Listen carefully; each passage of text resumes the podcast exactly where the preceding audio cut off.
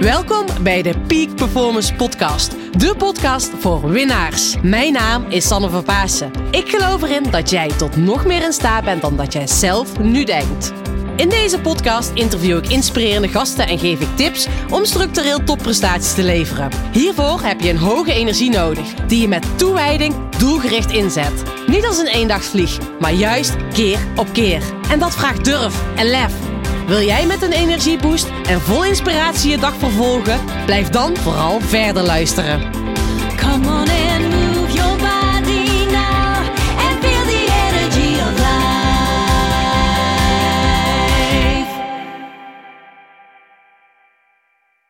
dat je vandaag weer luistert naar de Peak Performance podcast. Vandaag staat er weer een tof interview online en dit keer met Tibor Olgers. Tibor Olgers is eigenaar van Tibor Consultancy Groep en hij coacht met een groep andere business coaches, ondernemers om nog hun business nog meer succesvol te laten zijn vanuit voldoening. Wat deze twee met elkaar te maken hebben, dat hoor je zo meteen in het interview, want voldoening staat bij hem centraal. Niet zozeer omzet, maar ook voldoening. Dat is super belangrijk. Tibor is in mijn ogen echt een inspirator. Hij is echt iemand die practice what you preach toepast. Ehm, wat is zijn achtergrond? Hij heeft een heel bijzondere achtergrond. Hij heeft de achtergrond vanuit de speciale politie-eenheid. Hij heeft onder andere het Koninklijk Huis en bepaalde politici beveiligd. En dat vind ik wel heel erg tof. En misschien is dat ook wel de gemeenschappelijke deler die Tibor en ik hebben. Hij past de kennis en ervaring vanuit het beveiligen van deze politici, vanuit de speciale politie-eenheid. Deze principes past hij toe in zijn business. En dat is natuurlijk wat ik ook doe. Mijn topsportachtergrond, die gebruik ik. eh, hoe jij nog meer topprestaties neer kan zetten. Nou, Tibor is echt eh, een inspirator. Hij neemt ons in dit diepgaande interview echt mee waarom hij precies doet wat hij doet. Hij geeft ook een aantal tips waarmee je echt in actie kan komen. Zo is een belangrijke, waardevolle tip die ik alvast met je ga delen, is dat hij aangeeft voor ga studeren dagelijks. Ga ervoor zorgen dat je kennis beter wordt en dat je jezelf echt overtreft. Dat maakt ervoor dat jij qua kennis over een jaar echt boven de rest, boven het maaiveld uitsteekt. Maar ga niet alleen studeren, ga ook produceren. Dus voor ieder uur dat je aan het eh, studeren bent, ga ook een uur produceren, zodat je die kennis met de wereld kan gaan delen. En let op dat je niet te veel aan het scrollen bent, want juist het scrollen op social media, dat is tijdsverdrijf waar we allemaal niks aan hebben. Dus Kom in actie met studeren, produceren en ga ervoor zorgen dat jij boven het maaiveld gaat uitsteken. Nou, ja, ga luisteren naar dit interview. Niet alleen luisteren, kom ook echt met de tips die Tibor geeft in actie. Maak aantekeningen, ga het doen. Ga lekker luisteren. En iets wat ik je aan jou wil vragen is: ik zou het enorm tof vinden als je mij helpt om deze podcast nog groter te maken, zodat nog meer mensen naar deze podcastshow gaan luisteren. Dus ik zou het tof vinden, of nee, ik vraag gewoon aan jou: maak even een foto van jou of een screenshot van jouw telefoon dat je deze podcast aan het luisteren bent. Deel ondertussen deze podcast even op social media en tag mij. Dat zou mij enorm helpen om de ripple nog groter te maken van de Peak Performance podcast. Of iets anders waarmee jij mij kan helpen is om een review te schrijven op iTunes. Dat helpt mij ook weer enorm om bovenaan de rankings te komen. Dankjewel voor het luisteren en veel luisterplezier met het interview met Tibor Olgers. Lieve luisteraar, tof dat je weer luistert naar de Peak Performance podcast. Vandaag ben ik in Amsterdam, op een heel mooi plekje. Ben ik hier gekomen op een eh, hele mooie zomerdag. Hè? hier is nog aardig cool. Tibor, tof dat ik bij jou mag zijn voor het opnemen van Welkom, deze podcast. welkom. Dankjewel. Gaaf man, welkom in de Peak Performance podcast. Dankjewel.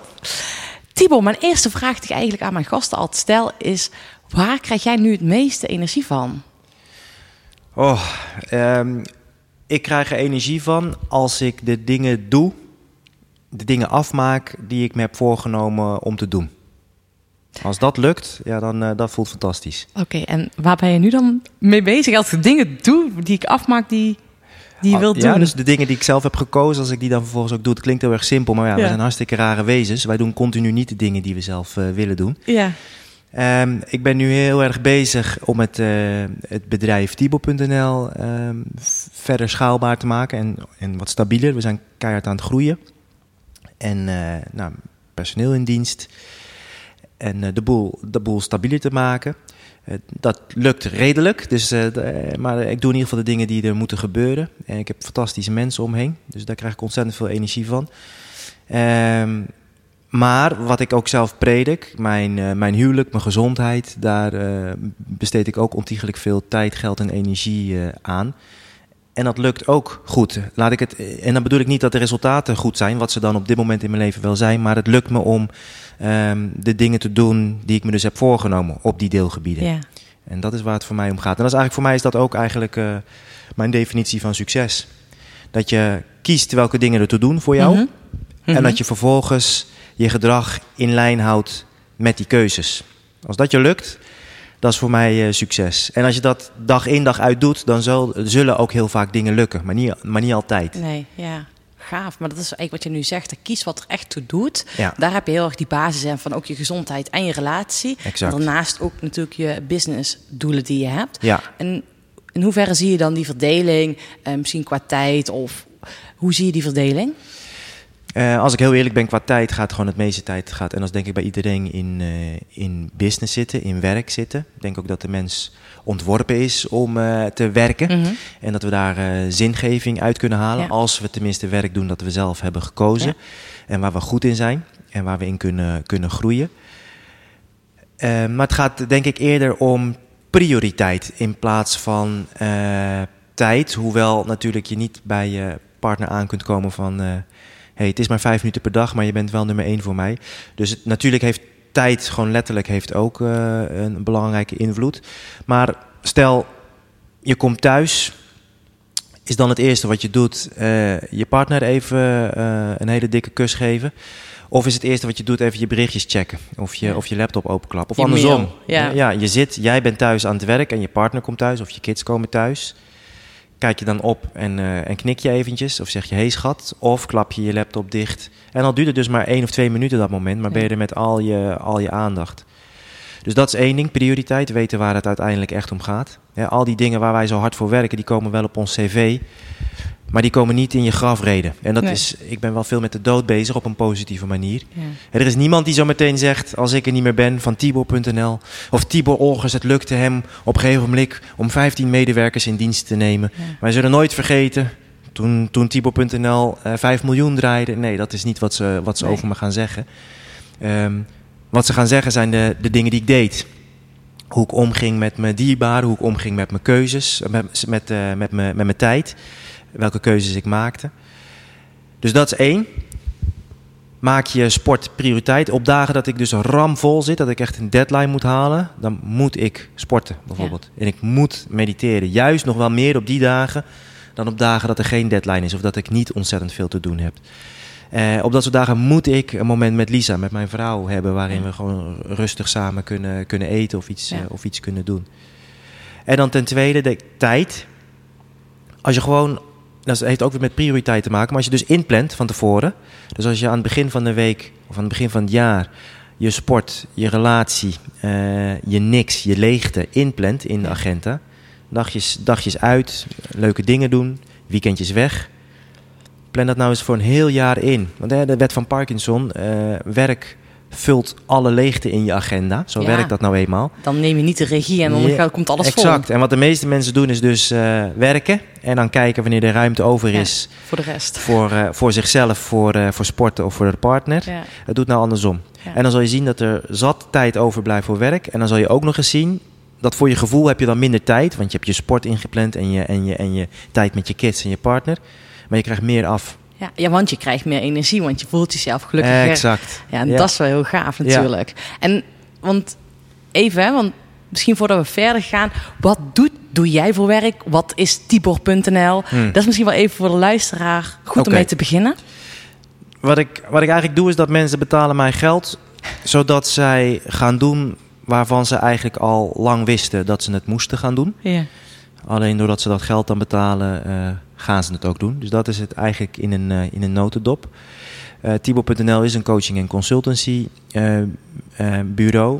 met een, een klein team daarachter. Wat wij doen is wij organiseren zakelijke retreats. Mhm. Waar wij drie werelden bij elkaar brengen. Namelijk die van de Special Forces. We pakken winnende principes van Special Forces.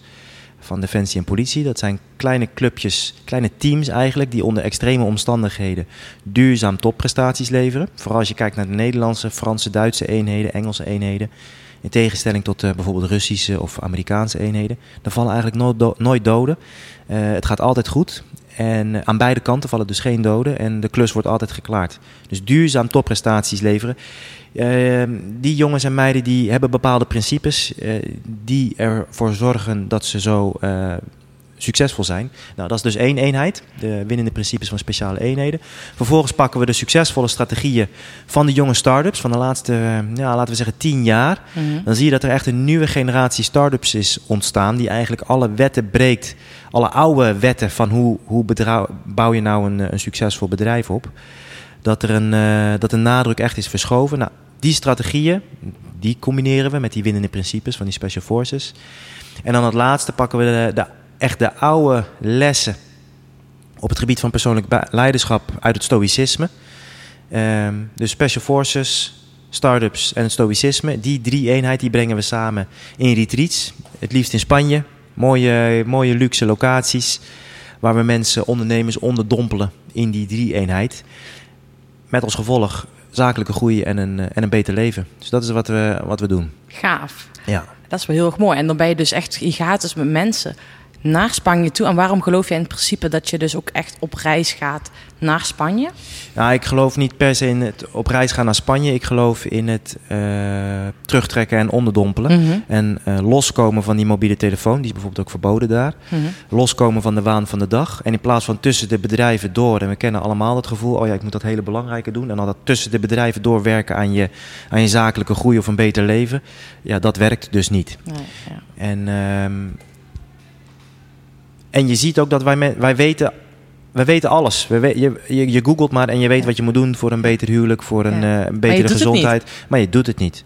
Dus wij creëren een om- omgeving waarin je dat wel gaat doen. Ja. En dan met een team van experts om je heen. Ehm, is het bizar wat je in een aantal dagen tijd voor elkaar kunt krijgen. Als je echt dat wat niemand meer heeft, namelijk focus en aandacht. Als je dat dus vijf dagen lang in een ideale omgeving waarin je goed eet, goed slaapt, eh gaat doen. Ja, dat is bizar. En waarom doen wij die drie eenheid? Omdat ik gewoon dit spel nu al te lang doe om te weten dat als je iemand een perfecte strategie geeft, een zakelijke strategie Ja. om, eh, om, te, om te groeien, mensen verprutsen die altijd. Vanwege hun persoonlijke, ja, ik noem dat bord voor hun kop. We hebben allemaal wel iets. Hè? Voor de een is dat eh, papa nog tevreden houden. Oh ja, ja. Of erkenning van mama eindelijk eens een keertje krijgen. We hebben allemaal wel een bord voor ons kop... wat ons ooit heeft gediend als kind om ons te beschermen. Hè? Dat is fijn, zo'n bord voor je gezicht. Als de shit op je afkomt, kan je dat bord ertussen houden en dat beschermt je. Eigenlijk zijn er maar twee manieren. Hè? Of je maakt je veel groter dan dat je bent. Of je maakt je veel kleiner dan dat je bent. En dat is ook wat de twee patronen die je in verschillende variaties bij mensen ziet. Voor alles en iedereen zorgen behalve voor zichzelf. Eh, de erkenning halen uit, het, uit, het, uit de taken die je doet. Jezelf onzichtbaar maken, conflicten vermijden, eh, niemand tot last willen zijn. Continu lopen blaren hoe goed je wel niet bent. Dat is Ja. weer een andere, omdat je die erkenning thuis nooit hebt gekregen. Nou, Ja. zo hebben we allemaal ons bord. Als dat bord niet stuk gaat, ja. dan verprut je dus de, de meest waardevolle strategie. En we hebben allemaal een bord op het gebied van geld, op het gebied van relaties. Dus wij willen één dat het bord kapot gaat, dan die goede strategie eh, erin. Kijk, en dan als je dan met het juiste systeem en de juiste plan aan de executie gaat werken, dan wordt het ook wat. Want dat vind ik wel heel mooi. Dat je echt je bord voor je kop weg laat halen. Heeft veel te maken met je opvoeding eh, Ja. die je mee hebt gemaakt. Dan ben ik wel nieuwsgierig naar van wat heb, welk bord voor je kop heb je zelf gehad? Eh, Ja, daar ben ik nog steeds. Kijk, een bord voor je kop.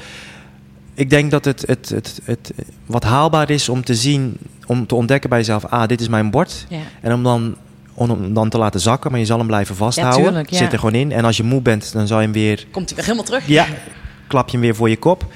Eh, die van mij was, ehm, ik moet het doen. Ik ben sterk, dus ik moet het doen. Dus ehm, er hoefde maar iemand naar mijn jongere broertjes te wijzen en ik sprong ervoor. Of met, als er maar ook maar iets aan de hand was met Lisa, Ja. dan ging ik het regelen. Want ik kon het, ik kon het dragen. En, wat ik, en het bord was dus dat ik daardoor mijn broertjes en Lisa klein hield. Omdat ik hun, ehm, uit, ja, hun prikkel voor groei, die ontnam ik. Ja. Hun prikkel om het zelf te doen, die ontnam ik. Want, hun, hè, want ik ging het doen. Hun grote broer of haar man, die, die sprong er wel voor. Die ging het regelen. En daarmee ontnam ik hun groei. En daarmee hield ik ze klein. En dat inzicht, dat was pijnlijk. Maar wel eh, heel erg fijn om dat eh, los te kunnen laten. Maar op momenten dat ik dus moe word, dat er veel op het spel staat, ik zit in de stress. Wat gaat Tibor dan doen? Die gaat het dan allemaal in zijn eentje doen. Ja. Ja, want ik ben sterk. En daarmee, en het tweede wat ik dus doe, één, ik hou andere mensen klein. En twee, ik krijg in mijn eentje natuurlijk maar een fractie Ja, eh, voor elkaar van Ja. dan wanneer ik eh, alle, alle fantastische mensen om me heen eh, Ja. benut. En hoe merk je dan weer dat je bent, je zit hier lekker in je follow, maar dan komt er weer een moment, in één keer bam, komt die, dat bord weer Ja. voor je. Ja, Wat zijn voor jou signalen dat die bord weer voor je kop komt? ja mijn lijf. Je hè, lijf? Dus, ja, dus ten eerste mijn, en mijn vrouw, die, Ja. die, die wijst me er ook met heel veel liefde op. Nee, maar kijk, het is heel simpel. Je merkt, het is heel erg simpel om te merken of je op dit moment een bord voor je kop hebt. Dat merk je aan eh, drie dingen. Namelijk aan de kwaliteit van je emoties, je relaties en je, ehm, en je financiële situatie. Aan die drie. Ehm, als de kwaliteit van je emoties, je relaties en je financiële situatie, als die op een 10 zitten, alle drie, heb je geen bord voor je kop. Lekker zo door blijven gaan. Zit je onder de 10, ehm, heb je, eh, zit je op een 9 of een 8, heb je misschien een schoteltje op je kop op het gebied van geld of je relaties of je emoties. Maar zit je onder die 8, dan is het, is het toch wel sprake Ja. van een bord, van een bordje. En is het te kijken van wat gebeurt er dan, waardoor ik niet de financiële vrijheid of ruimte heb die ik zou willen hebben. Waardoor ik op het gebied van mijn emoties best wel vaak last heb van stress of van angst of van druk. Het is heel erg, ik predik ook niet eh, de waarheid, eh, want mijn regels werken absoluut niet voor jou. Maar door te checken, wat is de kwaliteit van mijn emoties gedurende mijn, dagen? Eh, wat is de kwaliteit van mijn relaties, zakelijk en privé? En hoe ze, even heel eerlijk, hoe, ze- wat is de stand van mijn, van, mijn, van mijn financiële gezondheid? Ja, Is die ook gezond? En op basis daarvan weet je of je een bord voor je kop hebt of niet. ja. Op basis daarvan mag je gaan schakelen. Ik vind het wel heel Ja. mooi en dat je dan ook gewoon de regie gaat pakken. Want dat is eigenlijk letterlijk wat je zegt, als het ware. Of dat wat ik tussendoor hoor, dat je die verantwoordelijkheid neemt voor je eigen ja, shit. Ja. Eh, maar in ieder geval dat je verantwoordelijkheid gaat pakken om die kwaliteit te verbeteren. Ja, verantwoordelijkheid is, eh, is alles. En dat is wel een, voor mij een. een eh, het is een beladen thema in Nederland. Ik ga heel erg simpel door, simpel door het leven. Namelijk alles wat ik belangrijk vind, alles is mijn verantwoordelijkheid. Ja. Dus ik vind bijvoorbeeld mijn gezondheid eh, belangrijk. Ik vind mijn relaties belangrijk, een aantal van, van mijn relaties. Ik vind mijn gemoedstoestand belangrijk.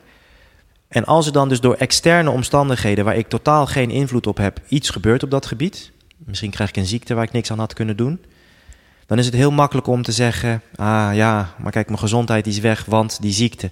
Ja. Ja, Ik ga dus vrij simpel door het leven. Ik heb besloten dat ik mijn gezondheid belangrijk vind. Dus als ik ziek word, ehm, dan is mijn, mijn, staat, mijn fysieke staat van zijn, die blijft gewoon mijn verantwoordelijkheid. En zal ik dus alleen maar oog hebben voor die dingen waar ik invloed op heb. Ja, En de rest vind ik niet interessant. Ook al is het wel zo, ja, ik vind het gewoon niet interessant. ja. Hetzelfde geldt met, ehm, met je relatie, met je financiële situatie. Als daar dingen gebeuren waar jij geen invloed op hebt gehad, ja, dan kan je het daar wel over hebben.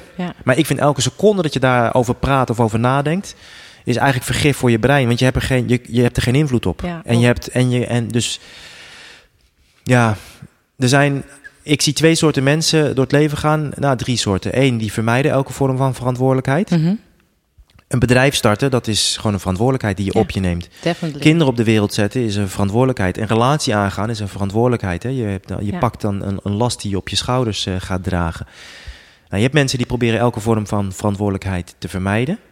Oké, dus dat kan. Zorg dat je een uitkering trekt, Netflix, eten laten bezorgen en, eh, en lekker thuis blijven. Heb je geen verantwoordelijkheid. Ik denk dat verantwoordelijkheden, vooral de zelfgekozen en vooral de lastige verantwoordelijkheden, die geven je eh, dag zin. Ja.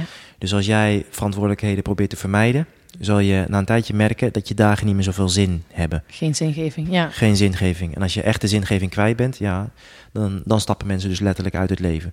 Of je blijft doorleven zonder dat je leeft. Ja, dat, dat is ook niet, eh, Nee. ook niet wat je wil. Dus dat is groep 1. Groep 2, die, heeft wel die, heeft wel, die kiest wel wat verantwoordelijkheden, maar zodra shit hits the fan, gaan ze wijzen naar buiten Ja. toe. En dan hebben ze vaak hebben ze ook nog gelijk. Hè, dus dan is het inderdaad de overheid die iets stoms doet, of de Belastingdienst, of de buurman, of whatever. Dus ze wijzen naar dingen en ze hebben vaak ook nog gelijk. waar ze geen verantwoordelijkheid over eh, kunnen pakken.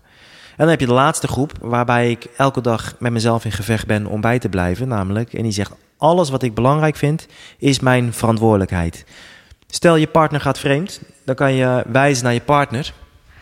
Of je kan wijzen naar jezelf. Oké, Ja. wat, wat, wat, wat heb ik dus gedaan en wat kan ik dus in de toekomst, in mijn, in mijn volgende relatie, neem ik aan, eh, Neem ik aan. hè, gaan doen. Ja, dat is ook weer mijn, mijn persoonlijke visie. Maar wat kan ik dan in mijn volgende relatie gaan doen, waardoor dit dus niet meer ik, wat kan ik gaan Ja. doen? In plaats van wat vrij logisch is om te gaan roepen, ah, ik ben bedrogen, dus ik moet volgende keer beter selecteren dat ik niet met Ja. zo iemand eindig. Nee, wat, wat is jouw verantwoordelijkheid in dit Ja. hele verhaal? Ik pak nu even expres een extreem voorbeeld. Nee, maar ik snap, ik vind het wel heel gaaf, want dan voel je hem wel meteen. Exact. En ben ik heel erg nieuwsgierig aan, want ik herken heel veel jouw verhaal. En Ja. natuurlijk is dat ook met mijn achtergrond en jouw achtergrond ben ik zo meteen nog nieuwsgierig naar. Maar het stukje, eh, toen ik nog als topsporter leefde, maar nu doe ik het eigenlijk precies hetzelfde als ondernemer zijn. Weet, ik kies voor mijn eigen paden, neem mijn verantwoordelijkheid. Ehm, mijn omgeving heeft daar nu niet meer, omdat ze het weten van me. Maar op het begin, toen ik die stappen nam, van, hè, dat is natuurlijk altijd op het moment dat jij dus die keus maakt, ik neem die verantwoordelijkheid, ga hem dag in dag uit ook pakken. Ja. Ehm, dan verander je dus, dan gaat je omgeving er ook iets... Hè, die, Die vindt er iets van. Die vindt er iets van.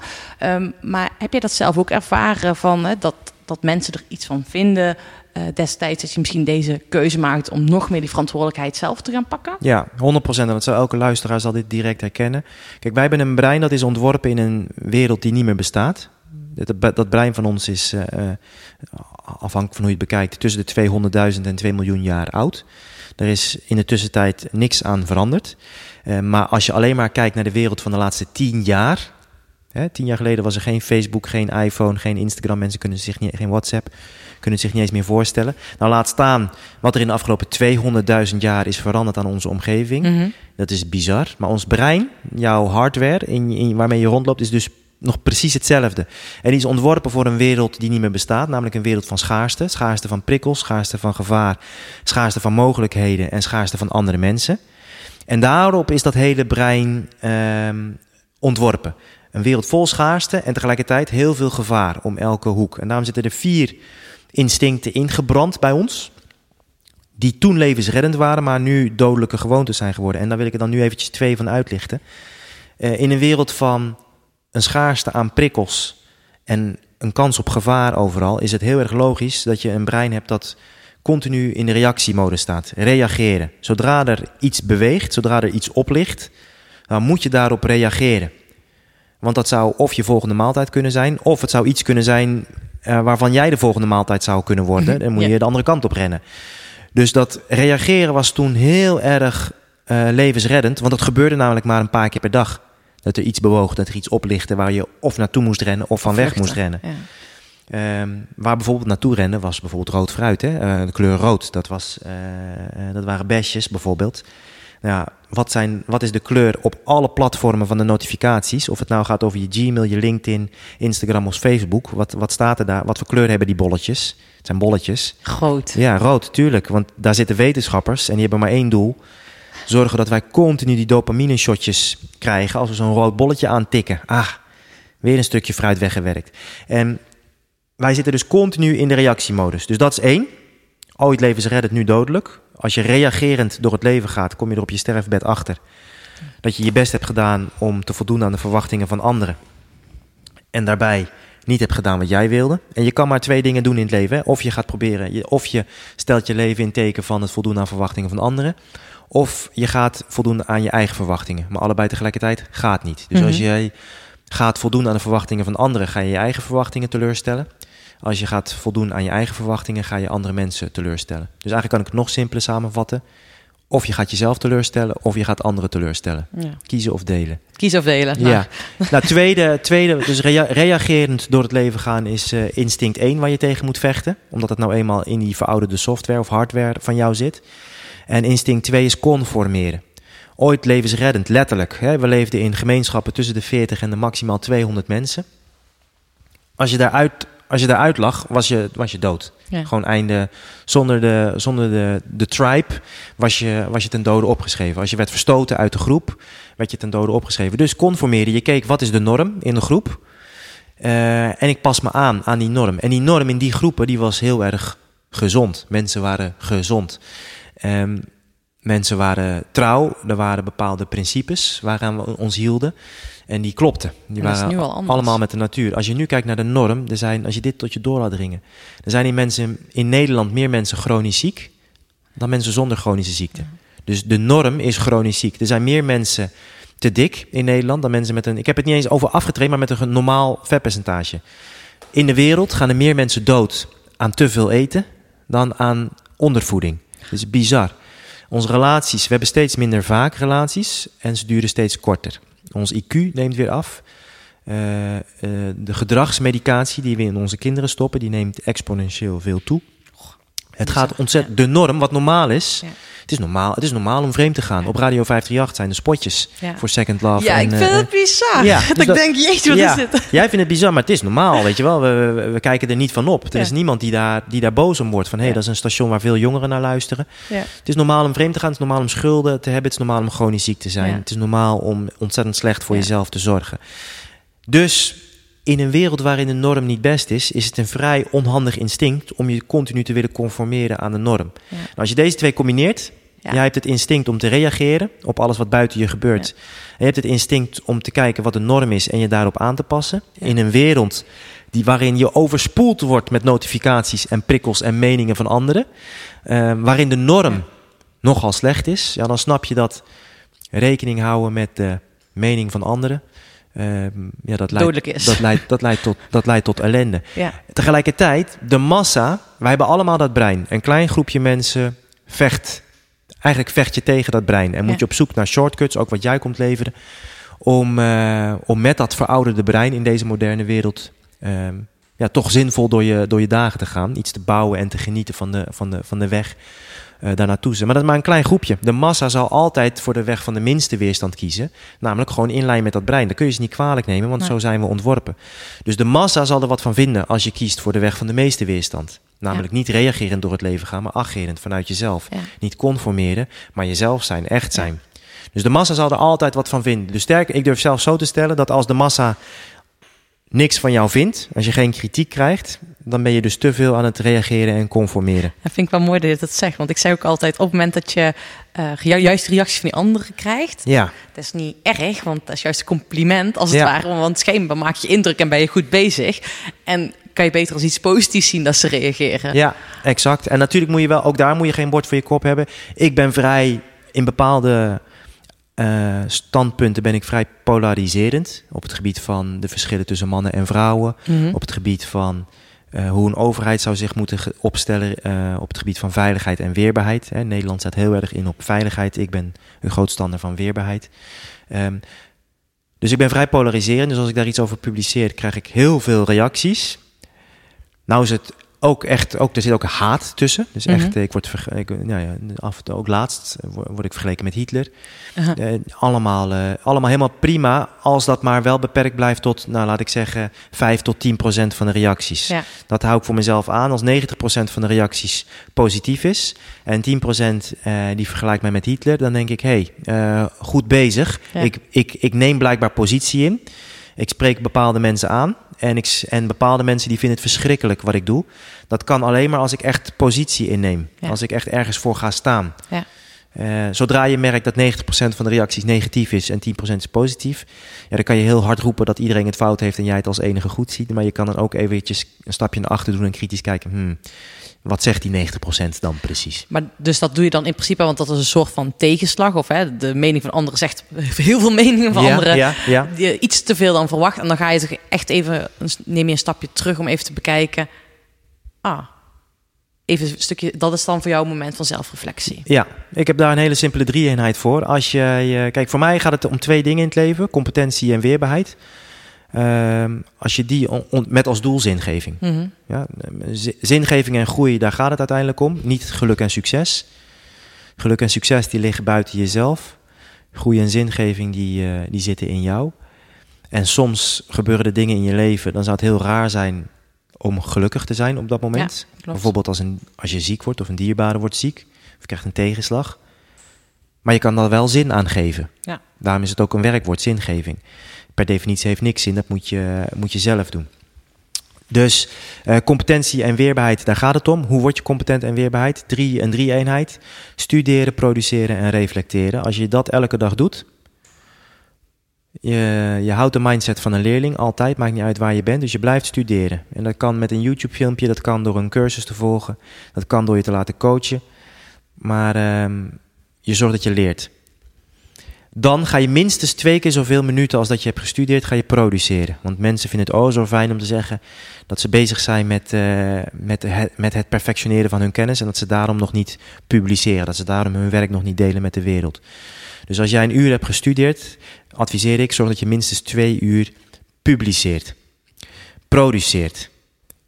Dat je schrijft. Dat als je, een, dat je als je een workshopgever bent, dat je workshops geeft. Dat als jij eh, zanger bent, dat je zingt. Dat als je masseur bent, dat je masseert. Ja. Dat als je coach bent, dat je coacht. Of dat je spreekt op een podium. Ehm, video's opnemen en publiceren op YouTube, op LinkedIn. Echt publiceren. Ik zeg produceren, maar ik zeg daar meteen in één adem bij publiceren. Deel het met de wereld. Heb maar het lef om te zeggen, dit is wat ik vind. Ja, want dat doen ook heel veel mensen niet. Nee. Die lef, die Nee. produceren ze en dan denken ze... mm, Maar in die beweging vind je je antwoorden, niet in gedachten. Ja. Je vindt altijd meer antwoorden in beweging dan in, eh, in gedachten. Dus één, studeer.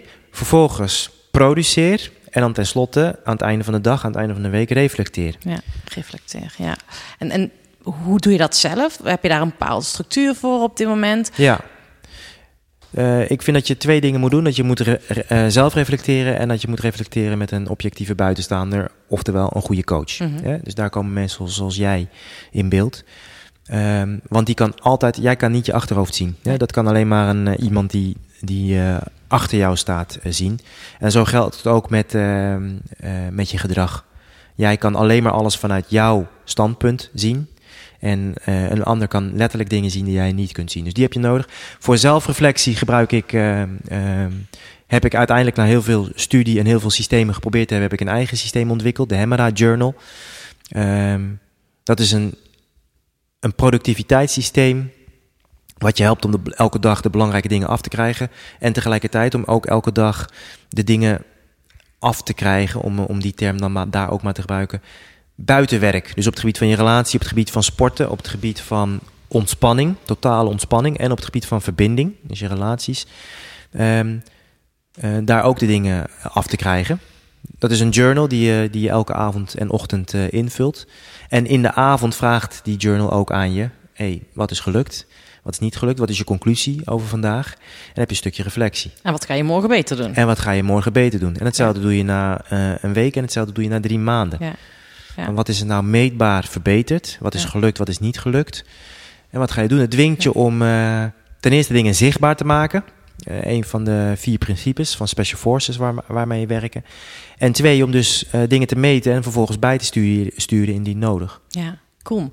Dat is wel echt super, want dan hou je ook zelf gewoon, ehm, ja, hoe noem je dat? Accountable eigenlijk bij jezelf. Weet je? Ja. Dus dan blijf je zelf reflecteren van wat kan ik beter doen. En Ja. dat iedere ochtend en avond te doen. Ja, en dat is een andere principe. Dat is één principe heb ik nu al benoemd. ehm, ehm, dat je het zichtbaar maakt. Het andere principe is ehm, procedure. Je moet een vaste procedure hebben. Ja, dus als je zelf voorneemt, ik ga voortaan meer reflecteren. Ja, eh, dan denkt je brein op dat moment fantastisch en daarna gebeurt er niks. Ja. Maar als je een, en dat kan, dat kan de Hemera Journal zijn, het kan een app zijn, het kan iets wat je zelf hebt ontworpen zijn. Maar je moet een vaste procedure op een vast tijdstip hebben, een, een, een vast aantal vragen die je Ja. doorwerkt. En het moet kort en simpel zijn, anders doe je het niet duurzaam. En dat zorgt ervoor dat je het blijft doen. Cool, hè? want je begint al eventjes over de special, special forces. Ja, Ehm, neem ons eventjes mee in jouw reis, want dat is onderdeel van jouw reis geweest. ja klopt.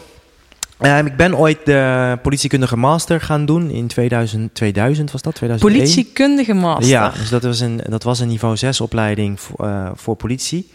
Ik moet zeggen, ik ben daarin gerold. Ik had toen als, als jonge jongen, van hoe oud was ik toen? In het begin 20. Als droom, ik wil bij een arrestatieteam. En ik, als je me toen had gevraagd waarom wil je dat, dan eh, ja, tof, weet je wel, Ja. wist ik veel. Eh, flink bord nog voor mijn kop. Ehm, ik werkte daarvoor ehm, als horecaportier bij Paradiso hier in Amsterdam aan de deur. Ik studeerde economie aan de VU. Nul studiepunten, vooral heel veel trainen en, eh, en bij Paradiso werken en leuke dingen doen.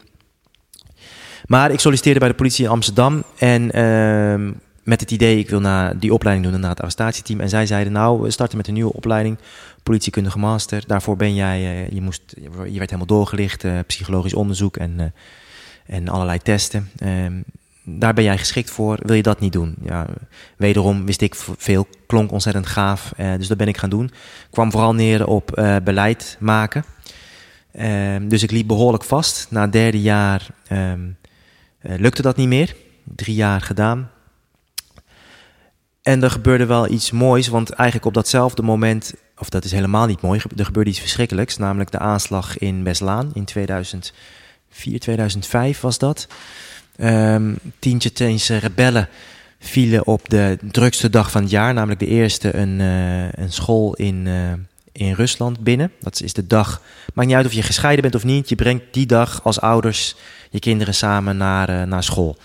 En ehm, op de grootste, een van de grotere scholen vielen tien Tsjetsjeense rebellen die school binnen, gijzelden alle kinderen, het personeel, ehm, mensen die nog daar zich probeerden tegen verzetten, die werden meteen eh, neergeschoten.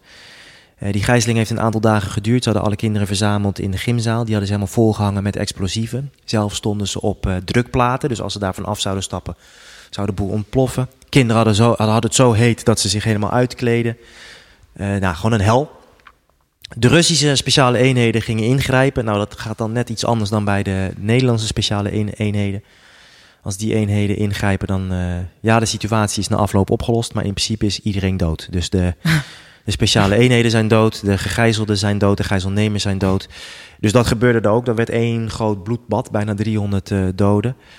En ik zag toen een interviewtje in mijn kleine kamertje, studentenhok, wat ik eh, toen kon betalen. Ehm, en er werd een vader geïnterviewd en die had zijn zoontje verloren. En die zei, ja, je kan als ouder kan je alles doen aan je kind. Hè. Je, kan ze, eh, je kan ze weerbaar maken, je kan met ze praten over het leven, welke keuzes ze moeten maken. Je kan ze proberen zo goed mogelijk veilig te houden, waar ze op moeten letten. Maar tegen deze vijand ben je als ouder zo kansloos, zo machteloos. En die onmacht in zijn eh, stem, in zijn verhaal, in zijn ogen, die raakte mij echt in mijn kern. En toen dacht ik ook, ja, wat zit ik hier nou te doen, jongen, bij... eh, en het ging al niet lekker, hoor, daar, eh, bij dat beleid maken voor de politie. Ik wil, ik weet niet wat, maar ik wil iets bijdragen aan mensen die hun eigen veiligheid en weerbaarheid niet meer kunnen garanderen. Die in principe misschien wel zelfs alles goed hebben gedaan, maar toch tegenover een vijand staan waartegen ze machteloos zijn. Daar wil ik aan bijdragen. Dan heb je een aantal opties in Nederland. Je kan richting defensie. Je, binnen de politie heb je dan antiterrorisme-eenheid. Je hebt het arrestatieteam. En eenheid, eenheid, toen heette dat de DKDB, nu de DBB. Dienst bewaken en beveiligen. Die beveiligt ernstig bedreigde mensen. eh, politici, getuigen in internationale strafzaken. ehm, mensen die een groot belang hebben voor de Nederlandse maatschappij. Dus als jij of ik ernstig bedreigd worden door terrorisme, is dat heel vervelend voor ons. Maar ja, Jammer. voor Nederland maakt het niet zo heel veel uit als er wat met ons Ja. gebeurt. Maar ben jij getuige in een, eh, in een eh, nou, bijvoorbeeld in een Holleder-proces of in het Joegoslavië-tribunaal tegen de nummer 1, ja, dan is het toch wel belangrijk dat er geen aanslag op jou plaatsvindt. Nou, die mensen die hielden wij in leven en wij zorgden ervoor. Sterker nog, want in leven houden is niet zo moeilijk. Je stopt iemand onder de grond in een burger ergens ver weg. Ja. Nee, dat is veiligheid. Hè. Dan komen we weer op veiligheid, weerbaarheid. Wij zorgden voor weerbaarheid. Wij zorgden dat die mensen, dat die getuigen zijn getuigenis kon afleggen. Dat die politicus zijn werk kon blijven doen. Dat die officier van justitie haar werk kon blijven doen. Ehm, zonder dat er een, eh, een aanslag kwam. En als er een aanslag kwam, dat we die dan zouden doorstaan. Ja. Dus dat is wat ik eh, vervolgens tien jaar heb gedaan. En binnen die club heb ik mij eh, verder gespecialiseerd in het eh, non-politioneel werken. Eh, want als je, een tijdje, ja, als je een tijdje bij de politie werkt, dan ga je als dan ervaren criminelen, die pikken je er zo uit. Ja. Je gaat bepaald gedrag vertonen. Nou, dan heb ik weer mooie opleidingen mogen doen om dat gedrag af te leren. Daarbij leer je dus ontzettend veel over je eigen gedrag, maar ook het, het, het interpreteren van gedrag van anderen. Niet alleen maar interpreteren, maar ook beïnvloeden. Dus zelf een, een bepaald plaatje neerzetten. Ja, en, en, en die wereld, dat, dat, dat, daar, daar ben ik eigenlijk nooit meer gestopt met studeren en me daarin eh, in ontwikkelen. En wat triggerde jou dan dat je dit zo interessant vond? Het gedrag van mensen en dat dan ook beïnvloeden? Omdat, omdat wij alles weten en we doen niks van dat wat we weten. Ja. En dat vind ik zo interessant. En tegelijkertijd is er een klein groepje mensen En statistisch gezien is dat ongeveer 1% van de mensen. Die lukt het wel. Dus die doet werk waar ze super gelukkig van worden. Die heeft een gezond lijf, hebben gezonde relaties en hebben gezonde cijfers op een bankrekening. Ja. Gezondheid is voor mij het sleutelwoord. Ik probeer zoveel mogelijk van de natuur te leren. En als je kijkt naar die 1%, dat klinkt heel weinig, maar 1% wereldwijd is een hele grote groep mensen. Die zijn super verschillend. Maar als je dan gaat kijken naar de principes waarmee ze opereren, zijn dat precies, zie je continu dezelfde rode draad. Doen ze gewoon allemaal dezelfde dingen. Denken, bijvoorbeeld journalen. Is, eh, bijvoorbeeld mediteren, bijvoorbeeld tijd vrijmaken voor hun partner eerst. Eh, bijvoorbeeld trainen, eh, Ja. fysiek trainen. Ontwikkelen in altijd de mindset van een leerling. Nou, ik kan zo doorgaan, Ja. maar er is gewoon een aantal dingen die zij allemaal doen. Als je dat combineert, van er is een klein, een klein groepje mensen die, die, die samen doet die hetzelfde en lukt het. Mhm. Wat lukt? Goede kwaliteit emoties, goede kwaliteit relaties, goede kwaliteit van de financiën. Hoe, wat doen zij dan precies anders wat die 99% niet doet? We hebben dezelfde informatie, we hebben dezelfde middelen tot onze beschikking. Want wat, je bij die, wat, wat, wat, de, wat sommige mensen roepen, nee, maar zij hebben meer geld, zij hebben meer netwerk. Hoe komt het dat ze Ja, meer geld zij- hebben, meer netwerk? Zij doen er iets mee. Ja, nou nee, ze, Kiezen. kijk, ze zijn niet zo geboren. Ja. Als je kijkt naar eh, Steve Jobs, naar eh, Lionel Messi, als je kijkt naar eh, nou ja, Elon Musk, allemaal, Richard Branson, allemaal self-made. Ja. Allemaal eh, Moeder Teresa om een hele andere, of Malala nu op dit moment, hè, om twee even hele andere eh, zijstraten in te slaan van hele bijzondere mensen. Allemaal zonder netwerk, zonder geld begonnen. Alleen iets in hun manier van denken, beslissen en gedrag heeft ervoor gezorgd dat ze nu Ja. ehm, zoveel mogelijkheden hebben. En, en, ja, en dat vind ik zo interessant. Als je dan kijkt naar Special Forces nogmaals, kleine clubjes die onder extreme wisselende omstandigheden duurzaam topprestaties leveren. Waarom leren wij daar in het bedrijfsleven of als ondernemers, waarom leren wij daar niet Ja. van? Dat is natuurlijk hartstikke raar. Ja. Want die principes zijn één op één Ja. overdraagbaar. Hetzelfde, ja. Dat is wel mooi, want ik heb natuurlijk die vergelijking met topsport. En dat is precies hetzelfde wat jij ongeveer mee hebt gemaakt. ik hè? denk dat je dezelfde principes terug gaat vinden. En dat vind weet ik het wel zeker. Ja, dat, ik herken heel veel wat je zegt. En dat vind ik wel tof. Maar waar, waar ik heel erg nog nieuwsgierig ben eh, naar jouw transitie. Hè? Van, Ja. Je hebt bij die Special Forces eh, gezeten. Maar hoe heb je die transitie gemaakt naar datgene wat je nu doet? Ja, in het begin geleidelijk en op een gegeven moment moet je springen. Ehm, ik heb, terwijl ik daar werkte, ben ik al ehm, een, mijn mijn eigen bedrijf begonnen. Dus dat is al, al, al meer dan tien jaar geleden. Dat, dat was toen, als je naar het begin jaren keek, gewoon een hobby. Hè? Dus, Ja. eh, en ik coachte toen alleen maar één op één. Mhm. Dus ik was het bedrijf. Ehm, langzaam maar zeker. En in het begin was ook het werk wat ik voor de overheid deed, eh, voor de politie, dat was ook eh, echt mijn passie hoor. En daar was ik ook bereid om alles voor op te offeren, vrij, vrij letterlijk zelf. En daar zag je dus trouwens ook weer mijn bord, hè? Schiet maar op mij. Hè? Dus ik spring er wel voor. En, ehm, maar dat, dat, dat, dat was dus die eerste jaren, vond ik het fantastisch om, eh, om 60 uur per week eh, te werken, niet weten hoe je dag eruit zag en hoe laat je, hoe laat je thuis was. Maar naarmate eh, ik dat langer deed, werd dat iets minder, werd het bedrijf iets groter. Ehm, ben ik langzaam gaan afbouwen bij de overheid. Dus ik ben naar 40-urig contract gegaan, 38, 36, 32. Hoe, hoeveel uur contract was het eerst? Eh, in, in principe, het, het contract was 40 uur. Maar je ging 40 uur werken. Ja, alleen je werkte een stuk meer. Ja. Helemaal in de tijden hè, van de aanslagen op Pim Fortuyn en eh, Oh, ja. Theo van Gogh, die allebei helaas niet door ons werden beveiligd, door, de, door onze eenheid. Ja, toen was het zo ontzettend druk en waren we met zo'n klein clubje nog, dat eh, ja, je begon 's ochtends om, eh, om zes uur, tot het klaar was. Ja. Eh, Ja. Ja, dus dat waren, dat, was, dat waren heel veel Dat betekent ook slapeloze nachten. Nou ja, je sliep wel maar kort en je sliep Ja. op kantoor. Ja, Je sliep op kantoor, je trainde op kantoor, je ontbeet met je, met je collega's. echt dat met was, je team. Ja. ja, dus het was een, eh, echt een, hele intense periode die ik voor geen goud eh, had willen missen. Een Prachtig bijzondere was norm had je dan om je heen, hè? Een bijzondere tribe. Ja. Ja. zeker weten. Zeker weten. En op een gegeven moment werkte ik nog eh, twee, drie dagen per week voor de dienst. En toen heb ik op een gegeven moment gewoon de, de knoop doorgehakt. Het mooie is dat in die maand is mijn inkomen uit mijn bedrijf is vertienvoudigd. Het is van 3000 euro per maand, ging die maand naar 30.000 euro per maand. En dat heeft natuurlijk niks te maken met de twee dagen per week die ik extra tot mijn beschikking had. Daarmee ga je niet van 3000 naar 30.000. Maar dat was blijkbaar ehm, datgene wat er intern bij mij nodig was om er vol voor te gaan. Ik moest wel. Hè? Ik Ja. moest toen wel. En dan zie je dus echt weer wat, wat het effect van mindset is. Als er al iets gezonds is, als er al iets is wat werkt, want ik deed al jarenlang, hè, had ik rustig opgebouwd naar die 3000 euro per maand. Wat werkte? Toen moest ik opeens van mezelf, ging ik er vol voor, keer 10. Ja, Dus dat was voor mijzelf we- weer Ja. iets wat ik al wist, maar van wow, zo werkt het dus echt. Bizar hè, dat je dan door je upper limit heen Je knal je inderdaad dwars door je, door je upper limit heen. Gewoon Ja. omdat die stem verandert van, nou ja, ik heb in ieder geval altijd nog mijn loondienstsalaris. Ja. Ja, die verandert naar eh fucking hell. Eh, Gewoon doen. It's up to you. Ja, En helemaal niemand en niks anders meer. ja. super cool. En dan merk je dus wat je al die tijd hebt laten liggen. ja. En dat is niet erg, want je hebt de rest van je leven om, eh, om het te pakken ver- vervolgens. Ja, je kan iedere dag opnieuw die keuze weer maken. Want ik weet niet, hè, heb je dat nog vaker momenten meegemaakt dat je voelt van ik zit tegen een upper limit aan? Continu.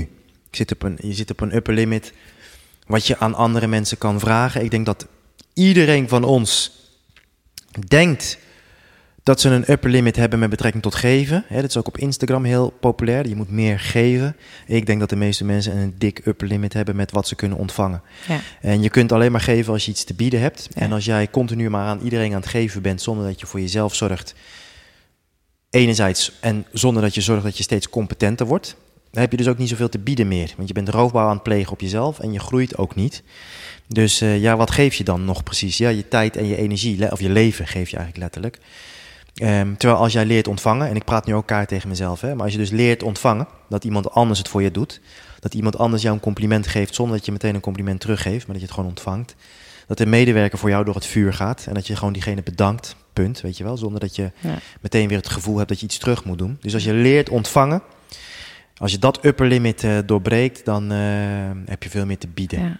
Maar dat is daar op dat gebied ik ook, daar, Ja. continu. Ja, dat is mooi. Je, je, upper limit verschuift natuurlijk ook steeds Het, meer. het is gewoon een heel simpel feit, eh, Sanne. Alles zoals het nu is in je leven, dat is je upper limit. Zoals je relatie nu is, zoveel geld je nu ontvangt, ehm, zoveel plezier je nu in je dagen hebt. Dat is je upper limit. ja. Punt. Ja, dat is ook zo. Want ik merkte bij mezelf, ook, weet je, je bent continu daarmee bezig om uit die comfortzone te komen. En Tibor, ik ben eigenlijk heel erg nieuwsgierig, want, want je bent de gast in de Peak Performance podcast. Ja. Wat is voor jou nu essentieel, wat we ook de luisteraars mee kunnen geven, om die peak performance keer op keer te leveren? Want je zegt al een stukje duurzaam, met zingeving. Dat is natuurlijk belangrijk, dat je Ja. jezelf niet opbrandt. ja. Wat is voor jou daarin heel erg belangrijk? Oké, uiteindelijk zijn dat vier stappen, maar laten we bij het begin dan beginnen. Eerst moet je,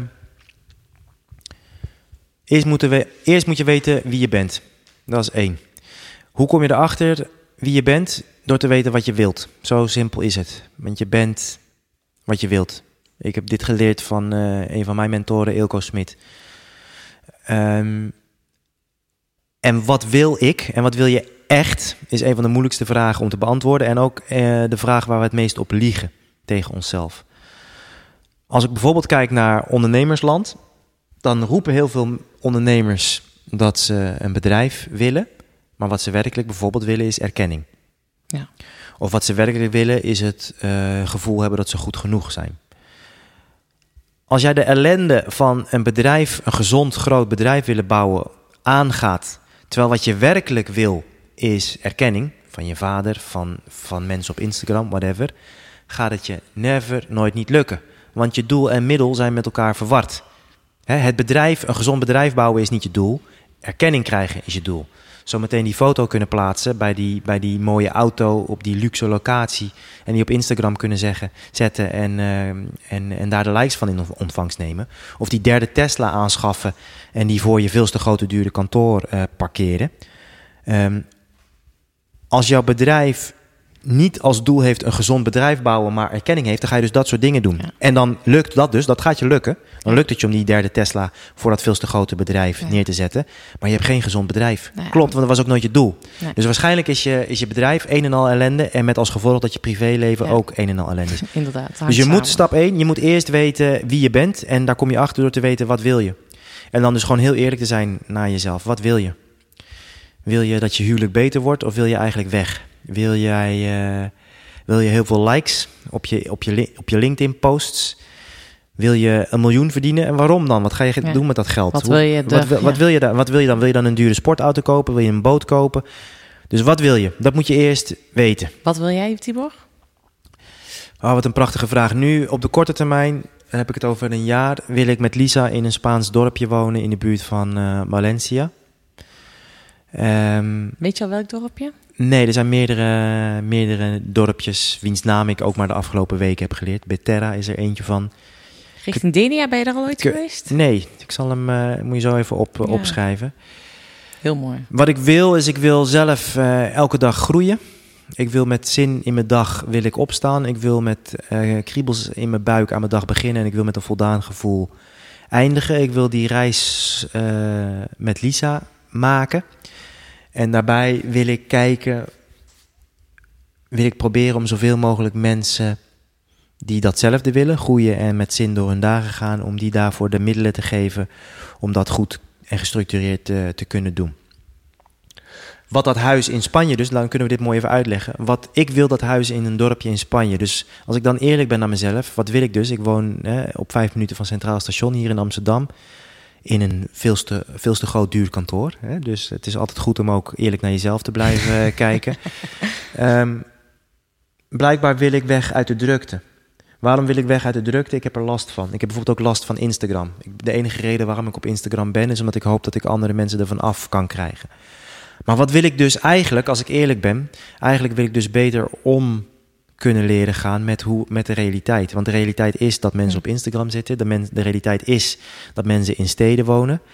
En de realiteit nu is dat ik daar moeite heb om daarmee om te gaan. Ik irriteer me aan de haastigheid van Ja. mensen. Ik irriteer me aan de oppervlakkigheid van Instagram. Ja. En dat heeft niks met Instagram te maken en alles met mij. Dus wat wil ik? Ik wil daarin groeien. Ja. Dus zo kan je zien dat je van een huis in een dorpje in Spanje naar de waarheid kan gaan. Ja. Namelijk, wat wil ik? Ik wil Echt. beter om kunnen gaan met Instagram, met de Randstad, met Ja. de massa. Daar Maar dan zou je ook gewoon naar Brabant kunnen komen. Zou- dus in misschien- plaats van naar Spanje. zou dus ook kunnen. Of misschien blijf ik hier wel wonen, alleen eh, groei ik als Ja. mens. Ja, maar dat, kan is, dus- ook. dat ja. is de helderheid die je krijgt als je echt eerlijk gaat vertellen Ja. eh, wat wil ik. Dus dat is stap 1. Ja. Als je topprestaties wil leveren, moet je eerst weten Wat wil? Wat wil ik? En met de nadruk op ik, hè? Omdat ook, ook een tijdje geleden sprak ik met een gozer. Mega succesvol. In de ogen van zijn vader. Dus hij had die, eh, die studie gedaan die zijn vader wilde. Hij werkte als top consultant bij de nummer 1 van Nederland. We kennen allemaal eh, eh, de naam van, van dat gigantische consultancybureau. Was daar keihard carrière aan het maken. Was doodongelukkig, want het liefste wat hij wilde was fietsen maken. Fietsen maken, dus het is mooi in lijn met jou. Hij wilde gewoon een fietsenwinkeltje. Ja. Een beetje kloten met fietsen. Er komen mensen binnen met fietsen, praten en zelf een beetje fietsen. Cool. Hij verdiende bakken met geld en hij was doodongelukkig. Er is niks zo zuur als de verkeerde Mount Everest beklimmen. en dat- daarin slagen. Maar wat jij nu zegt, vind ik ook, kom ik ook zoveel tegen bij mijn klanten, is van eigenlijk, als je deze vraag goed kan beantwoorden, kom je er misschien ook wel achter dat je misschien wel niet eens zoveel nodig hebt. Want in jouw verhaal ook een stukje rust. eh, Exact. Ehm, ja, ja, dat zou ook al goed kunnen zijn dat je als je ieder weekend eh, in een huisje op de Veluwe gaat zitten, dat je er Exact. ook komt bij wijze van spreken. Vaak maken we het heel groot, is onmogelijk, maar je kan hem dus dan echt plat slaan van joh, welke stap kan je vandaag nog zetten om dat, dat iets meer te gaan creëren. Klopt.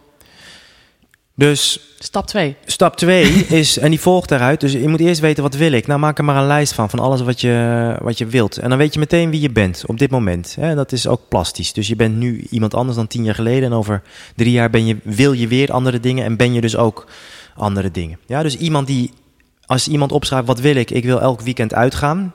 Ik wil eh, me vooral niet vastleggen. Dat is dan, dat is ook wie je bent. Op dat, en dat is helemaal prima, weet je wel. Dat, en iemand anders die zegt hele andere dingen. Ja. Ik wil die opleiding doen. Ik wil, hè, en dat geeft aan wie jij nu bent. Ja. Dus dat, dat is stap 1. Maak even een lijst van alles wat je wilt. Dan weet je wie je bent. Stap 2 is kiezen. En dat is wat niemand meer doet. Ehm, je kan alles hebben in het leven, maar niet tegelijkertijd. Je moet kiezen. Het leven is als een Chinees buffet. Of, alles kan, maar niet tegelijkertijd. Je moet kiezen. Volgorde. En ehm, we leven in een wereld waarin ons wordt voorgehouden dat alles kan. En als gevolg daarvan kiezen we niet meer. Als je niet meer kiest, ga je ronddobberen. Als je ronddobbert, kom je wel, bots je wel tegen dingen aan. Je komt wel op plekken, maar nooit dat wat jij hebt gekozen. Nooit daar waar, je, waar, waar jij wilt zijn. Dat is logisch. Dus er gaan veel mensen gaan er nu op dit moment dobberend tegen het leven. Soms botsen ze tegen iets leuks aan. Een leuke samenwerking, een leuke kans. Soms botsen ze tegen iets verschrikkelijks aan, worden ze bedrogen, maken ze een eh, verkeerde keuze. Maar ze komen nooit daar waar ze willen zijn. Dus van al die dingen die je hebt opgeschreven die je wilt, kies. En als, je, als bijvoorbeeld één daarvan is een bedrijf, van al die mensen die je wilt helpen, kies. Eén doelgroep. Van al die problemen die die doelgroep heeft, kies. Eén probleem dat je gaat oplossen. Als je kijkt naar Amazon, die is begonnen met alleen maar hardcopy boeken, postorderbedrijf. Toen kwam de Kindle en het digitale e-book eh, erbij, dat was de volgende keuze. Toen dat goed liep, kwamen de spulletjes erbij. Pas toen dat goed liep en ze Whole Foods hadden overgenomen, nu kan je er ook boodschappen eh, kopen. Dus het mooie van kiezen is dat uiteindelijk kan je met heel veel eindigen als je telkens maar wel één ding tegelijkertijd Ja. doet. Dus één, weet wat je wil. Twee, kies. Zodat je kunt focussen. En kiezen heeft alles te maken met nee zeggen en niks te maken met ja zeggen. Elke sukkel kan aan het altaar. Ja, dat is goed, dat doe ik voor de rest van mijn leven. Elke Ja. sukkel kan die woordjes uitspreken. Maar er zijn gewoon maar bizar weinig mensen wie het vervolgens lukt om de rest van hun leven nee te zeggen tegen de oneindige andere verleidingen en mogelijkheden. Ja, ja. Nee zeggen. Mooi. Dus dat is stap 2, kiezen. Stap 3 is een plan maken. Als je kijkt naar topsporters, als je kijkt naar speciale eenheden. Eh, een speciale eenheid die morgenochtend vroeg iemand moet aanhouden, eh, die doet niet. Oké, wat is het adres? Nou, ik zie jullie daar eh, om, vijf uur 's ochtends en dan regelen we het wel. Nee, die maken een minutieus plan. Hetzelfde geldt, het verschil denk ik tussen een, een, een, een, een amateur en een prof, is dat de amateur die gaat trainen. En de prof die heeft een plan. Ja. De prof die heeft een plan, een cyclus voor het jaar, waarin de wedstrijden zijn opgenomen. Die heeft een cyclus per kwartaal, die heeft een cyclus voor de week. Ja.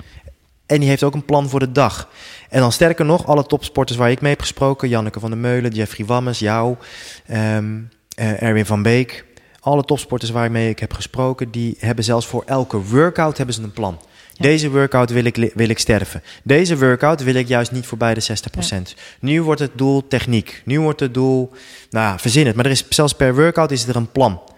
Ehm, voor ondernemers zouden dit exact moeten overnemen van eh, topsporters van speciale eenheden. Ondernemers, maak nou een jaarplan, maak een kwartaalplan, maak een weekplan, maak een plan voor je dag. Dus amateurs die gaan aan het werk en je, kun- en je kan keihard werken. Een amateursporter kan keihard sporten en toch geen progressie boeken omdat er geen plan is. Dus Ja. stap drie is, maak een plan. En ook dat eh, hebben, hebben wij dus dan bijvoorbeeld weer in de Hemera Journal verwerkt. Je wordt elke avond gedwongen om voor de volgende dag een, plan. te maken. Ja. Maak gewoon een plan.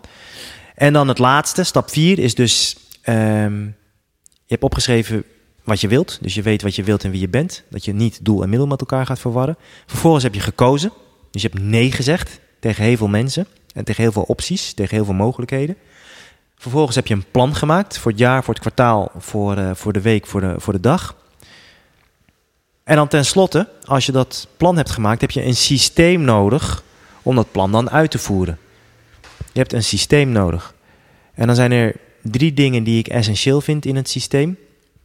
Ik predik natuurlijk voor eigen parochie, maar eh, ja, ik heb Hemmera zo ontwikkeld dat, eh, ehm, dat het precies aan deze eisen voldoet. Maar er zijn eh, vanzelfsprekend nog heel veel andere systemen die met dezelfde principes werken. Ehm, je moet, wat ik altijd zeg is, elke dag een klein beetje wint het altijd van af en toe heel veel. Dus als, ik, als je elke dag een moment van verbinding inbouwt met je rela- in je relatie, dan heb je een fantastische relatie. In tegenstelling tot mensen die elkaar een jaar lang negeren en dat dan proberen in, in tien dagen all-inclusive Turkije proberen Ja, recht te trekken. Gaat niet lukken. Ja? Daar word je ook niet gelukkig. Als jij je een heel jaar lang je lichaam verwaarloost, slecht eet, slecht slaapt, niet beweegt, ga je dat niet fixen met 30 dagen sapkuren en extreem sporten. Ja, dus elke dag een beetje wint het van, altijd, eh, van af en toe heel veel. Dus je zal in dat systeem een procedure moeten hebben die jou helpt om elke dag kleine stapjes te maken.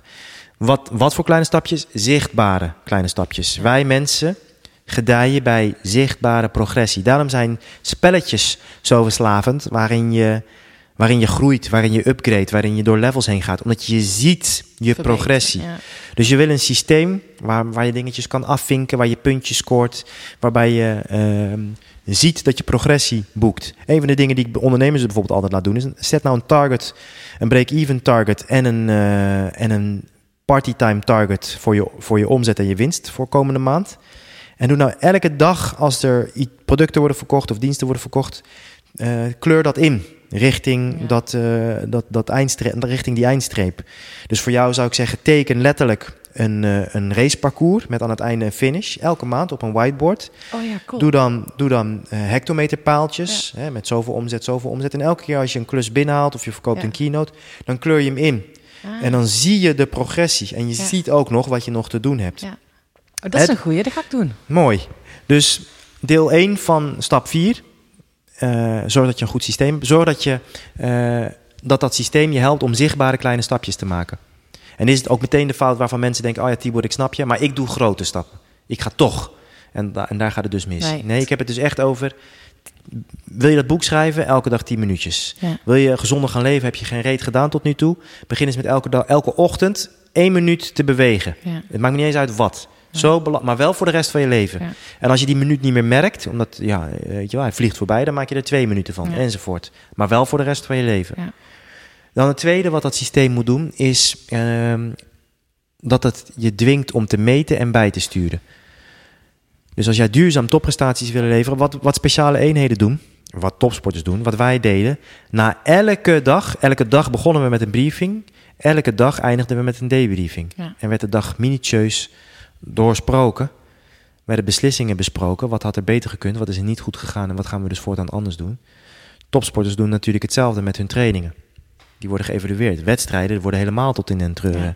geëvalueerd. Je kan alleen maar eh, evalueren dat wat meetbaar is. Ja. Dus ook dit. De meeste mensen als ik vraag wat is je winstmarge? Wat is je customer lifetime value? Ehm, wat, nou, wat zijn je cijfers? Wat zijn je bloedwaarden? Ja. Mensen geven per jaar, ik denk wel drie keer zoveel uit aan, eh, aan Netflix eh, en aan Ziggo dan wat een goede bloedmeting kost. Doe nou eens gewoon even één keertje per jaar eh, je bloedwaarde laten eh, doorlichten. Wat is je ontstekingsgraad? Welke tekorten heb je? Ja. Eh, lijkt me vrij essentieel om, om te weten. Dus ja, dat zeker weten. Dat je super. moet, als je wil kunnen bijsturen wat dat systeem moet doen, moet je de dingen meetbaar kunnen Ja. maken, zichtbaar kunnen maken. Dus dat is stap 2. Dus één, zichtbare kleine progressie. Stap 2, meetbaar, zodat je het kan bijsturen. En dan stap 3, vieren. En die wordt heel vaak eh, vergeten. Maar vieren, ja, uiteindelijk draait daar het leven om. Moet je het leven vieren. Heb je dat eerste hoofdstuk af, vier een feestje. Heb je het boek af, vier een een fucking groot feest. Dan ben ik wel heel nieuwsgierig, want de vieren, dat weet ik zeker. Dat heb ik zelf ook nooit. Ik weet het, mijn grootste overwinning die heb ik never gevierd. Ja, Ehm, ik zie bij jou daar heel mooi boek af ja, staan. ja. Hoe ga jij dat vieren? Boek af heb ik heel specifiek. Mijn vader is, eh, is schrijver eh, in het onderwijs, maatschappijleer, universitair docent. Heeft meerdere boeken gepubliceerd. Het is, eh, hij vindt dat het allergaafst van iedereen om me heen als dat boek af is. Dus als ehm, dat boek af is, dan ga ik een dag met mijn vader. Hij heeft een... eh, hij is het tegenovergestelde van mobiel. Hij heeft een herseninfarct en een hersenbloeding gehad. Oei, ja. Eh, op dezelfde plek. Dus eh, ja, dus bewegen zit er niet, niet veel meer in. Maar dan ga ik een hele dag met hem eh, erop uit. En die heb ik al helemaal eh, uitge, uitgestippeld. En die dag ga ik met, he- met hem vieren. gaaf. En zo heb ik dus een specifiek feestje voor, eh, voor elke doelstelling die ik heb. En ook Ja. met het team. Ja. Dus eind dit jaar, als we de targets halen. Maar ja, ik heb alles al moeten boeken. Dus het team, Ja, hij staat er gewoon al gepland. Hij staat er gepland. De target. Dan ga- gaan we met het hele team naar Thailand. Hè? Dus als wij eh, naar, naar een, mooie, een hele mooie plek. Ook nog eens naar een, eh, naar een geweldige oud klant van mij. Dus daar is voor mij de cirkel helemaal eh, mee rond. Ehm, die heeft daar een fantastisch complex Ja. gebouwd. En daar gaan we dan met z'n allen heen. Om te vieren wat we dan in 2019 hebben bereikt. Ja, En zo doen wij dat continu. Vieren we kleine feestjes. En nogmaals, dit is natuurlijk iets groots. Met, Ja. met het hele team naar Thailand. Ja. Ehm, of naar Tony Robbins. Ehm, dat soort dingen. Maar je kan ook een feestje vieren door eh, met z'n allen te gaan barbecuen. Dat is ook Ja. wel een feestje. Ja, joh, het, staat, het gaat om het moment dat je even stilstaat. maar vier het. Het Ja. kan zelfs zijn dat je, ehm, dat je dan uit eten gaat. Dus dat systeem wat je, wat je maakt om topprestaties te leveren... Je, het moet je dwingen om zichtbare kleine stapjes te maken. Het moet je dwingen om dingen meetbaar te maken en dus bij te sturen elke week. Dus met de simpele vraag, wat ging goed de afgelopen week? Ehm, wat hebben we geleerd? Wat, kan, wat moeten we doen waardoor het volgende week 1% beter gaat? Ja. Ook weer klein. Ja. En dan tenslotte vier. Vier het. En als je medewerkers hebt, vier het samen. Betrek ze erbij. Nou, die vier stappen. Dus weten wat je wilt. Kiezen. eh, een plan maken. En een systeem voor executie van dat plan. Dat zijn de vier dingen die zijn essentieel voor duurzame topprestaties. Ik denk dat het echt heel waardevol is voor de luisteraar om hiermee aan de slag te gaan. En Ja, dan is het belangrijkste als je nou zit te luisteren, dat je nu dus ook echt voor jezelf gaat beseffen van oké, welke keuze wil ik maken, wat wil ik? Maar welke kleine stap kan je vandaag nog zetten? Zet- Exact, zetten. exact. Nu. Ja, exact. En maak nu die keuze dat je het ook Vandaag. gaat doen. Vandaag is de dag. Vandaag is de enige dag die je Ja. hebt. Dus pak hem, ja. En daar ben ik ook niet nieuwsgierig naar, want bij mij eh, resoneert dat vieren heel erg. Omdat ik dat in het verleden niet heb gedaan. Maar wat is voor jou recent die laatste nou ja, mijlpaal, overwinning die jij gevierd hebt? Ehm, even kijken. Ja, echt heel erg veel. Dus er gaat gewoon ontiegelijk veel goed eh, binnen, binnen het bedrijf. Dus onze retreats, zowel in Spanje als in Nederland, Ja. die, eh, die gaan ontzettend goed. Dan doen we leuke uitjes met ons team. Tenminste, ik vind het leuk. Eh, de laatste keer zijn we gaan, eh, gaan boksen met z'n allen. Eh, de keer daarvoor zijn we gaan schieten met z'n Oh, allen. Cool. Ja. Ehm, maar wat ik ook re- echt regelmatig doe, is met Lisa. Gewoon de simpele dingen met Lisa eh, uit eten. Eh, Vanavond voelt, voelt van mij ook als een feestje. Ik ga vanmiddag mijn eh, broertje ophalen. Het is vandaag de sterfdag van mijn opa. En dan ga ik samen met mijn broertje en mijn, en mijn vrouw Lisa gaan we naar mijn oma toe. En daar is de rest van de familie ook. Oh, en dan gaat, speciaal. mijn- gaat mijn oma koken. Ja. Ehm, dat, we, dat ik dan daar met mijn familie, met mijn moeder, met mijn broertje, met Lisa, dat ik daar kan zijn. Ja. Dat is voor mij ook al het, het leven vieren. En dat is ook misschien wel mijn boodschap, door er gewoon simpelweg wat meer de aandacht bij te hebben. Ja. Want als je, als ik bijvoorbeeld, ik neem bijvoorbeeld mijn telefoon niet mee als ik eh, naar zoiets toe ga, zodat ik gedwongen word. Ja. Ik kan niet gekaapt worden door dat, door dat brein, weet je wel, met die verkeerde, verkeerde hardware. Ja. Dat is ook al het leven vieren. Daar kunnen zijn met de mensen die ertoe doen, voor jou, samen, met aandacht. Ja, Wat mij nu, want jij zegt ook heel mooi, hè? ik vond pas zo'n moment, mooi moment dat ik zelf ook had. Ehm, ik was aan het fietsen samen met mijn vriend. ja, Hij gewoon op een uh, doordeweekse avond om half acht nog wegfietsen, zo in het zonnetje. ja, onbetaalbaar. Onbetaalbaar. En toen kwam ook nog iemand tegen en die was iets aan het zoeken. En we gingen naar haar toe als een oudere dame en hadden we een heel mooi gesprek. Ja. En toen wilde ik eigenlijk iets opzoeken op mijn telefoon, maar we beide, we hadden allebei die telefoon niet, bij. Ja. Maar we hadden hem ook gewoon niet Ah, bij. goed, gelukkig. En het was zo mooi, weet je, we hadden zo'n mooi gesprek, weet je, Ja. met die vrouw. En ja, een oudere vrouw ook zei, tegen elkaar zeiden, oh, dat is zo mooi, weet je. Zij heeft gewoon een leuke avond gehad, dat ze nog leuke, of andere mensen heeft gesproken. En dat is zo mooi dat je gewoon in, Wat je, hebt, bent. wat je hebt gedaan is, je bent weer teruggegaan naar dat wat we zijn verloren. We zijn de menselijke verbinding verloren in ruil voor een digitale connectie. Ja, En die prijs die we daarvoor hebben betaald, die is echt ontiegelijk, eh, ontiegelijk hoog. En trouwens, nu ik naar je zit te luisteren, eigenlijk mijn, mijn grootste viermoment. Zodra ik wakker word, krijg ik dus letterlijk kriebels in mijn buik. Wat Lisa en ik elke ochtend doen, is we hebben twee voethuis daar staan eh, aan de voorkant van ons huis. Kijken we uit op het water. En elke ochtend, maakt niet uit wat de agenda is, zitten we daar met z'n tweetjes voordat de dag begint met een kop koffie. Eh, dus als de een heel erg vroeg op moet, dan staat de ander ook op. En dan zitten we daar met z'n- zitten we daar met z'n tweetjes. ik heb een eh, wekker op mijn telefoon Oh. zitten, een reminder van bring joy. Heel erg goed. En, en, maar, dat, maar dat is voor mij dus ook al het leven vieren. Dat ik daar, dat ik daar dus elk, elke dag een klein beetje. Hè, dat duurt, soms duurt dat maar een. eh, duurt dat maar vijf minuutjes. Soms duurt het langer, twintig minuutjes. Maar elke ochtend starten we samen die dag. Ja, dat is voor mij ook al het leven Ja. vieren. Dus het hoeft niet business class naar Miami te vliegen zijn Nee. of zoiets.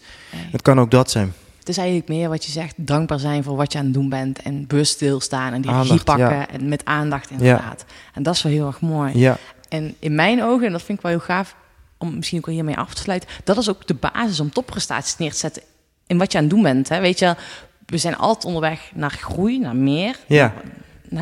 Alleen op het moment dat je niet dankbaar bent voor wat je nu aan het doen bent en tevreden bent en dat je bewust stil kan staan met de kleine stappen die je maakt. exact. Want er blijft altijd een stemmetje in ons hoofd die zegt, ik wil nog meer. Maar als Ja. je nog niet kan vieren wat je nu al hebt bereikt, En daarom, Sanne, denk ik dat, en dit is dan inderdaad mijn afsluitende boodschap, dat jaarresultaten doen ertoe in het leven. Ja. Dus je kan niet de hele dag eh, mediterend in een roze gewaad bij een waterval gaan, gaan zitten.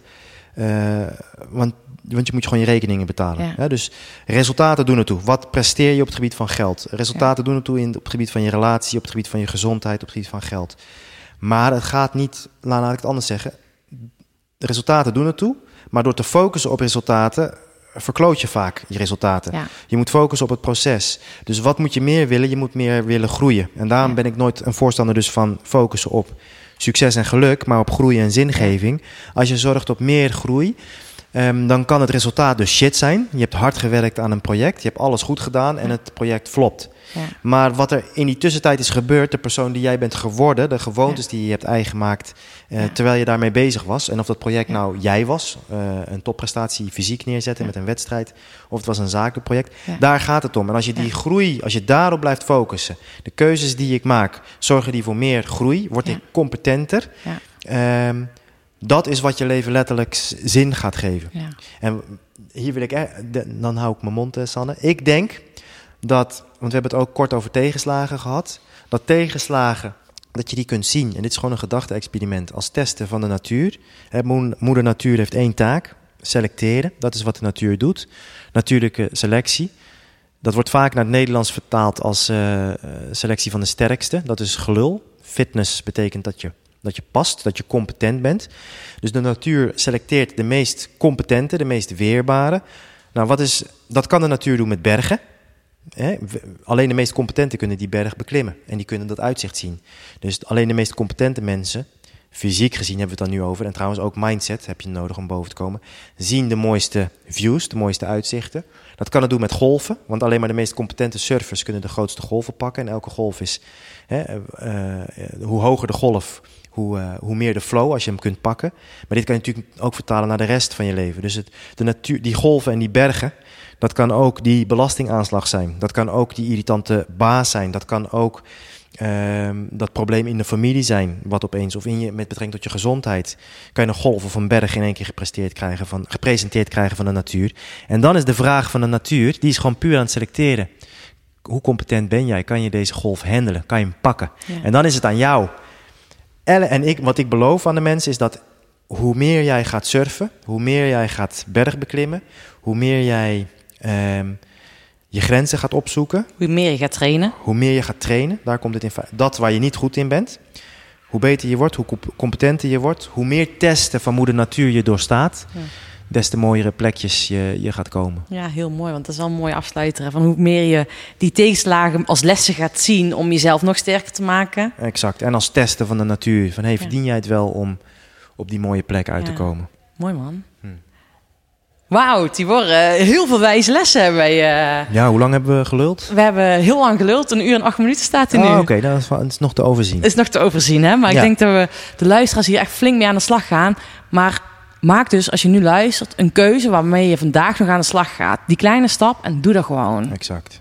Dankjewel. Met liefde. Box. Bam.